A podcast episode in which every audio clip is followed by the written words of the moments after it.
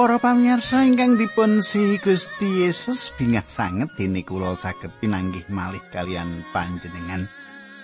Kados padatan kula badhe sesarengan kalian panjenengan ing satas wekdal menika inggih menika wonten ing adicara margi utami. Katang kula adicara margi utami menika penting kangge panjenengan ingkang remen anggeglut pangandikanipun Gusti inggih sinau dawuh pangandikanipun Gusti menika Menawi panjenengan boten nate midhangetaken pangandikanipun Gusti ora tau maca Alkitab nggih.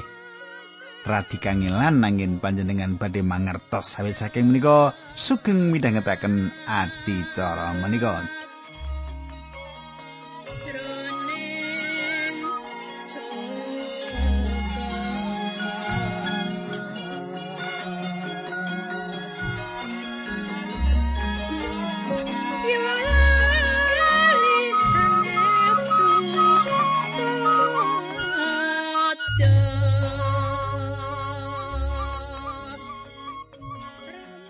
Kadang kula ingkang kula tresnani menapa panjenengan tasih kemutan menapa ingkang kula aturaken nalika wonten ing pepanggihan kepengker? Nggih tentunipun wonten ingkang kemutan wonten ingkang boten kemutan nggih. Ing pepanggihan kita kepengker kita sampun nyemak kados pundi Paulus lan Silas dipun siksa lan dipun kunjara. Nanging Gusti mbebasaken tiang kalih menika ing candhaipun badhe kita semak ing dinten menika lan saderengipun menika monggo kita ndedonga. Kanjeng Rama ing swarga kawula ngaturaken kuing panuwun menawi wekdal menika kawula saged tetunggilan kalian sedherek-sedherek kawula ingkang setya tuhu midhangetaken adicara menika. Kawula nyuwun supados Gusti merkai adicara menika nuntuni adicara menika kanthi makaten kathah sedherek ingkang pikantuk kegiatan kasukman. Linambaran asmanipun Gusti kawula Yesus Kristus kawula ndonga haleluya. Amin.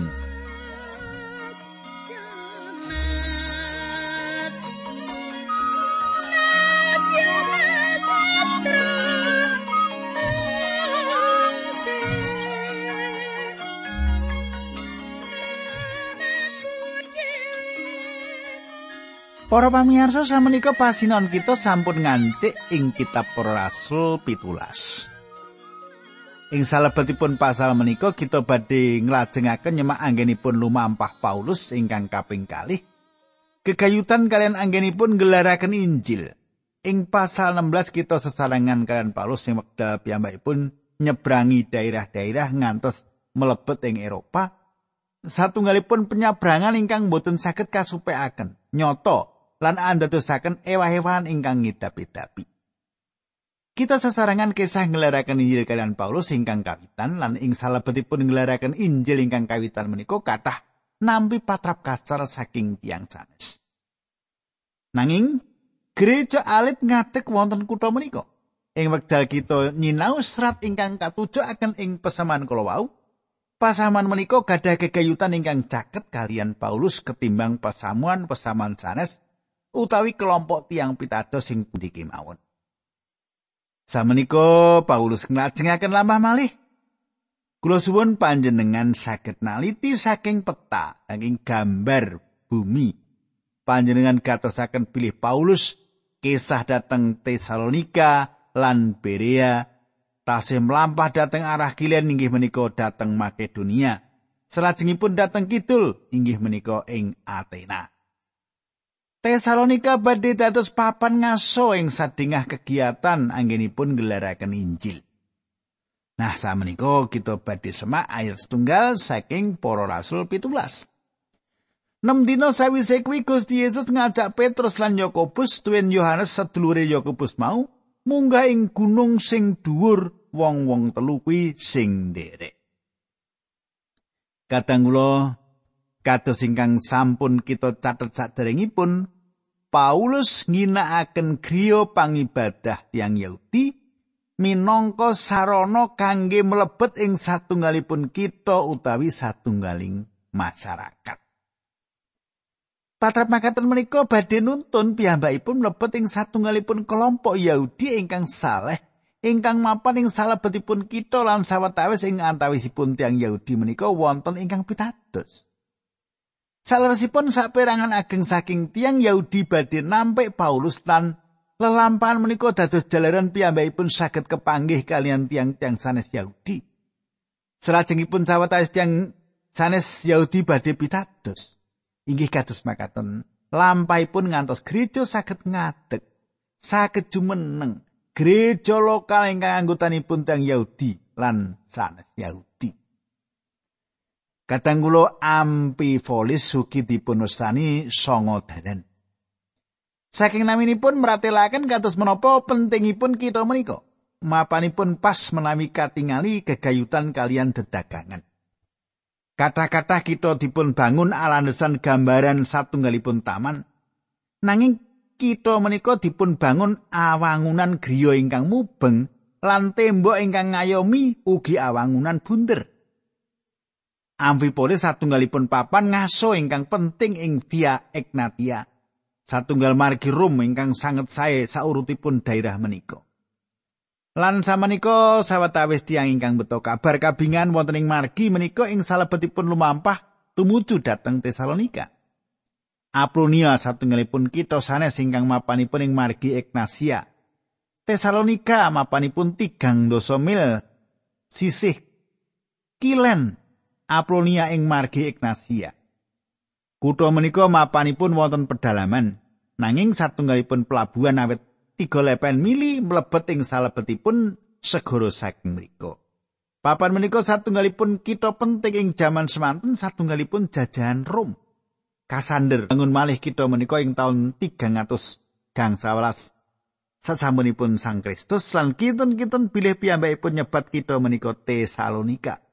Selaras kalian nami sederek kualon setri saking Iskandar Agung, Kasender menika salah satu sederek saking Jenderal Iskandar Agung lan piyambakipun rumaos nguasani daerah menika sesampunipun pejaipun Iskandar.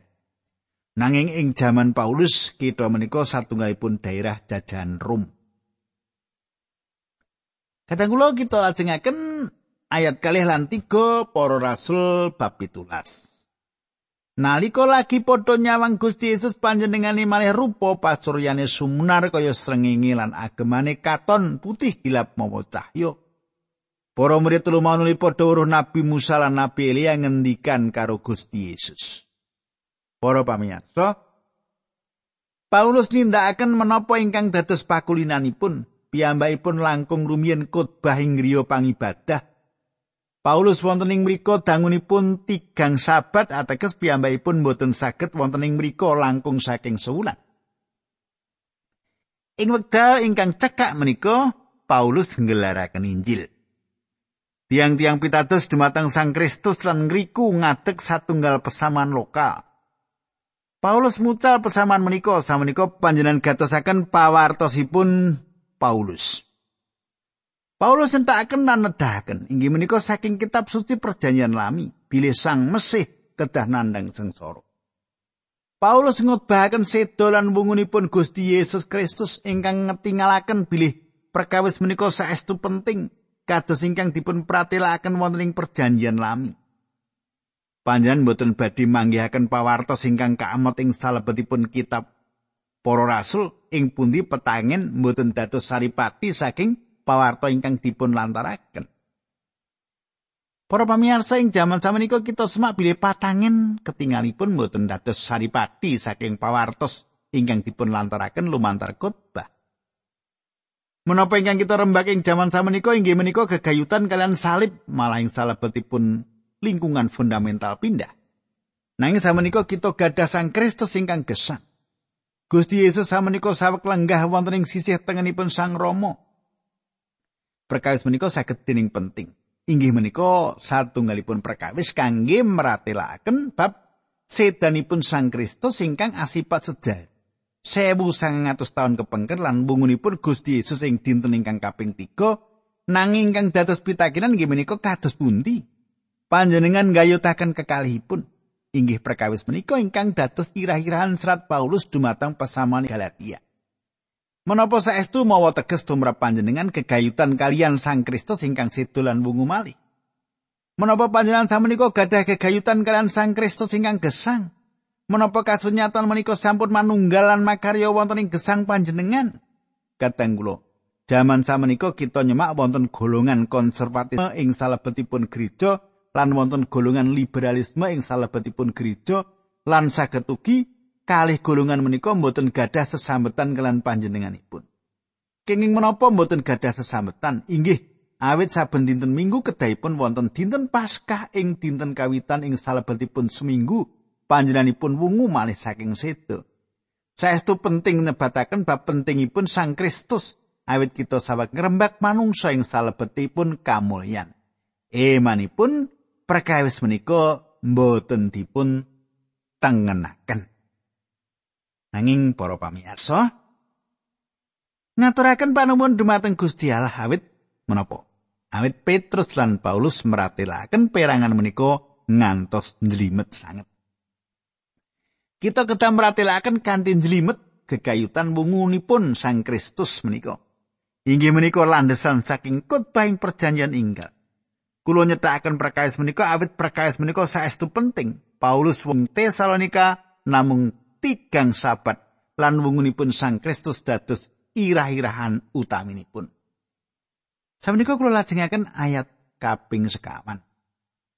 Ana wong sing padha yakin banjur padha melu Rasul Paulus lan Silas Semono akeh wong-wong Yunani sing biyen nganut agama Yahudi apa dene para wong wadon bangsa luhur ora setitik sing padha pracaya. Kadang kula wonten sawetawis tiyang ingkang dados pitados lelampahan menika tansah dumados sing wekdal panjenengan nglantaraken pangandikanipun Allah. Sawetawis tiyang ingkang mirengaken menika dados pitados lan saperangan malih mboten purun pitados. Ayat kang Weruh wong akeh padha dadi Kristen mau. Wong-wong Yahudi padha panas atine nuli padha nglumpukake wong gelandangan supaya gawe untran-untran nganti sak kutha kabeh geger. Wong-wong mau padha mlebu ing omah Yason sing dipondoki Rasul Paulus lan Silas padha goleki Rasul Paulus lan Silas arep diladekke marang kumpulane warga kutha kadang kula emanipun kita ugi gadah sawetawis tiyang ingkang gelandang ing pasar ing salebetipun gereja-gereja ing wekdal samenika Kula lajengaken ayat 6. Bareng Rasul Paulus lan Silas ora ketemu, wong-wong mau banjur nyeret Yason lan wong percaya sawetara disowanake marang panggedene kutha kono karo muni tiang-tiang menika wonten ing pundi-pundi damel kisruh lan samenika dateng mriki. Kadang kula ampun gadah anggapan lelampahan ingkang dumados menika awit patrap saking tembung ingkang ojo-ojoki utawi satunggalipun perkawis ingkang kebablasan. Ewedal tiang-tiang menika sanjang Billy Paulus lan Silas menika sampun damel kisra ing saening jagat. Panjinggi menika ingkang dipun kajengaken tiang-tiang menika. Ewedal kekristenan menika nembus kekasiran Rom dumados sawijining ewa-ewan bab tata keprajan revolusi. Pengaruhipun saestu ngidapi-dapi. Emanipun kita mboten saged ngraosaken sawijining ewa-ewahan ing tata gesang ingkang ageng ing wekdal kita mertobat dumateng Gusti Yesus Kristus lan dumateng pangandikanipun Allah. Kita perlu mangertos bilih kita perlu wangsul dumateng pangandikanipun Allah lan dumateng Gusti Yesus Kristus ingkang gesang. Kados menapa pentingipun perkawis menika. Ayat pitu wolu songo dipun tampeni dening Yason tiang-tiang wau sami nerak undang-undangipun kaisar ing Rom. Awit sami sanjang bilih wonten ratusan esipun ingkang nomo Yesus. tembung mengkono mau gawe gegere wong akeh lan para panggedene kutha para panggede mau akon yason lan kanca-kancane mbayar duit dendan sawise kuwi lagi padha diculake Kadang kula panjenengan imut bilih lalatan menika lalatan jajan Rom ingkang nindakaken pemerintahan alandesan panguwas kaisar. Tiang-tiang menika pikantuk jaminan saking Yason ateges bilih Yason kedah damel perjanjian. Ayat sedoso, bengine poros dulur padha akon Rasul Paulus lan Silas lunga menyang kutha Berea. Satekaning kono Rasul Paulus lan Silas nuli padha goleki sinagoge panggonan ngibadahe wong Yahudi. Kadang kula panjenengan saged ugi gadah anggapan bilih lelampahan menika dados jalaran ngirangi semangatipun Paulus kanthi makaten ngendokaken anggenipun makaryo. Wungunipun kahanan ingkang dipun lampahi menika mboten wonten daya pengaruh babar pindah lan Paulus tasih semangat ngelaraken Injil. Piyambakipun kisah dateng Berea satunggalipun kita ingkang caket kalian pesisir.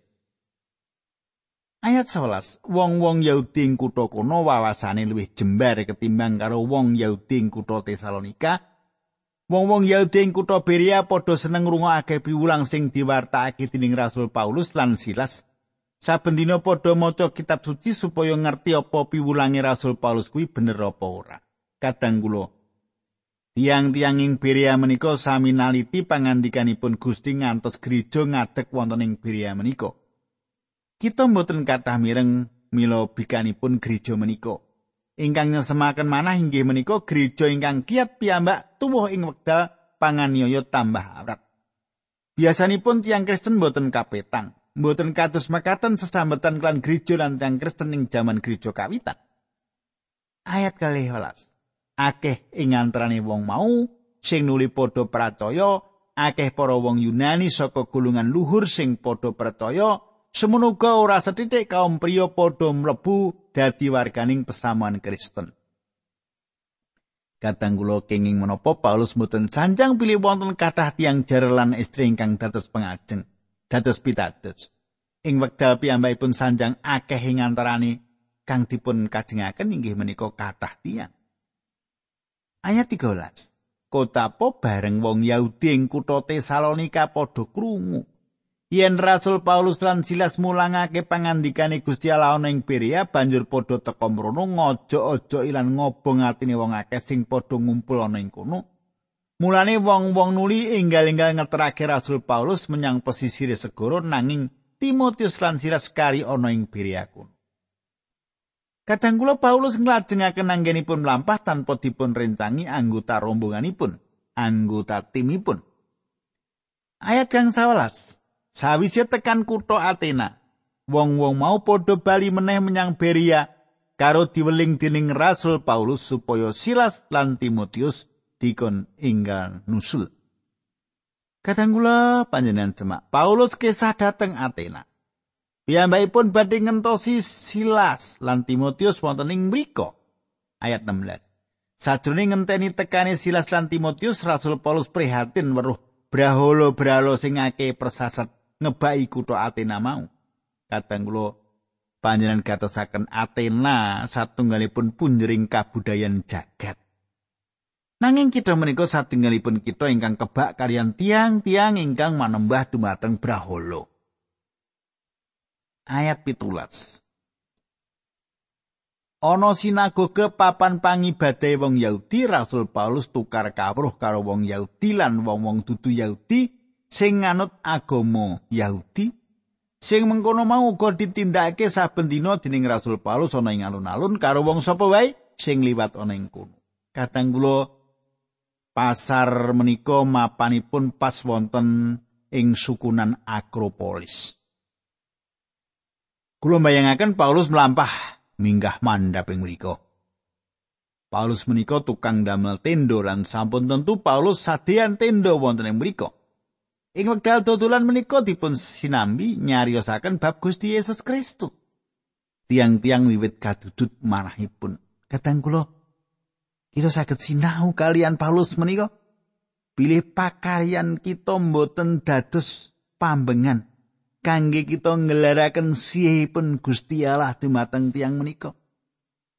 Saged cerita-cerita nggih. Saged nyariosaken sang juru wilujeng kula mboten mangertos manapa panjenengan miku sadian apa ora nggih. Nek sadian menapa kemawon panjenengan saged nyariosaken bab kawilujengan menika nggih. Ayat 18 ana ahli pikir saka golongan epikuri lan stoki sing padha bebantan karo Rasul Paulus ana sing muni apa sing diomongake tukang ngobrol kuwi? Ana maneh sing muni sajake wong kuwi mulangake bab dewa-dewa anyar Nggone padha muni mengkono mau jalaran Rasul Paulus nritake bab Gusti Yesus lan wungune saka situ. Kadang kula golongan Epikorus radi kapengaruh kalian paham hedonistik. Inggih menika satunggalipun pemahaman etika ingkang cekelan bilih tujuan sedaya patraping manungsa inggih menika kasenengan. Golongan stoa pitados sing salebetipun ngendhaleni diri pucalan menika kita mangertos minangka stoik ing jaman samenika. Golongan Epikorus pitados bilih panjenengan nindakaken satunggalipun perkawis ngantos kelewat wates. Panjenengan badhe saged nguasani sifat kedagingan. Para filsuf saking kalih golongan menika ndugani Paulus lan tiang-tiang menika mirengaken menapa ingkang dipun pratelaken Paulus. Paulus sampun katawi canten lan tiang-tiang kala mestani Paulus menika tukang umum. Ingkang dipun rembak inggih menika satunggalipun perkawis ingkang inggal kanginipun tiang-tiang menika. Nanging tiang-tiang Yunani para filsuf menika mboten saged mangertos gambaran pemikiranipun Paulus. Samenika ayat 19. Rasul Paulus duni diajak menyang papan parpatani para ahli pikir sing disebut Areopagus saturi. Kulo sami kepingin mireng piwulang inggal ingkang panjenengan ulangaken menika. Kateng kula panjenengan semak, kita Areopagus satunggalipun papan ingkang saestu endah. Bangunan-bangunan indah lan reca-recanipun ugi endah nanging kita menika papan kangge manembah dumateng Brahala. Papanipun langkung inggih saking papan pepanggihan ing kita menika lan Paulus dipun beto dhateng mriku supados memucal. Tiang-tiang ingkang wonten mriku gesang wonten ing salebetipun pepeteng. Kahananipun tiang-tiang menika langkung awon tinimbang tiang Galatia utawi tiang Kristen lan Tesalonika. King menapa? Awet tiang-tiang menika mikir tiang-tiang menika mangertos samukawis. Tiang-tiang ingkang mangkot piyambak ing jagat kanthi makaten angel sanget kalebetan pangandikanipun Gusti lan Injil. Inggih menika anggota gereja wet tiang-tiang kala wau mikir, tiang-tiang kala wau mboten betahaken Injil lan pangandikanipun Gusti. Tiang-tiang kala wau gadah pikiran bilih Injil menika namung kangge tiang-tiang ingkang mlarat, ingkang mapan ing daerah ing reget lan para mitranipun piyambak. Gesang saperangan warga gereja saged ugi awon lan kebak dosa lan boten ngrumaosi bilih tiang-tiang menika mbetahaken sang juru wilujeng mboten namung kangge nyelametaken tiang-tiang menika saking dosa nanging ugi kangge adamel gesangipun ajeng pamesanipun Allah. Ayat kali dosa ngantos likur para rasul pitulas makaten surasipun. Sebab wonten perkawis-perkawis ingkang aneh tumraping kula sedaya mila kula sami kepingin mangertos. Awit para warga kutha Athena semono uga para wong-wong bangsa liyane sing padha manggon ing kutha kono umume padha seneng nanjake wektune kanggo nyritakake lan ngrungokake crita perkara-perkara sing anyar. Kadang kula menapa nate panjenengan mirengaken adicara ing TV utawi radio ingkang meratelaken adicara imbal wacana kalian tiang ingkang misuwur. Saben tiang budidaya kangge beto satunggalipun perkawis ingkang inggal. Saben tiang kepingin sanjang satunggalipun perkawis ingkang enggal. Tiang-tiang budidaya setengah pecah kangge meratelaken satunggalipun perkawis ingkang lantip. Satunggalipun ingkang remit nanging cariyosipun sami kemawon. Tentu kathah tiang ingkang keset ing Athena. Tiang-tiang kelawa mboten purun nyambut damel. Tiang-tiang menika mboten nindakaken menapa-menapa. Tiang-tiang kelawa namung sanjang meratelaken teori enggalan gagasan ingkang enggal. Keluarga manungsa ketinganipun mapan ingkang remit. Anggenipun tiang-tiang kalawa mangertos satunggalipun perkawis ingkang dipun mangertosi, tiang-tiang kalawa mboten mangertos kasunyatan ingkang penting piyambak ing saindenging jagat raya menika. Nah kadang kula kula cekapi semanten rumiyin dipun lajengaken dinten candhaipun kita badhe ndedonga nggih. Nanging sadèrèngipun ndedonga kula matur nuwun dumateng Bapak Warsono nggih Bapak Warsono menika ing Bantarsari nggih. Sugeng midhangetaken adicara menika Pak. Nggih monggo kita tumungkul kita ndedonga. Duh Gusti Allah matur nuwun sanget menawi panci menika kawula saged tetunggilan kalian sedherek kawula. Kawula matur nuwun sanget lan kawula nyuwun berkah paduka tuntuni putra-putra paduka menika Gusti. Dinambaran asmanipun Gusti Yesus Kristus kawula ndedonga Haleluya. Amin.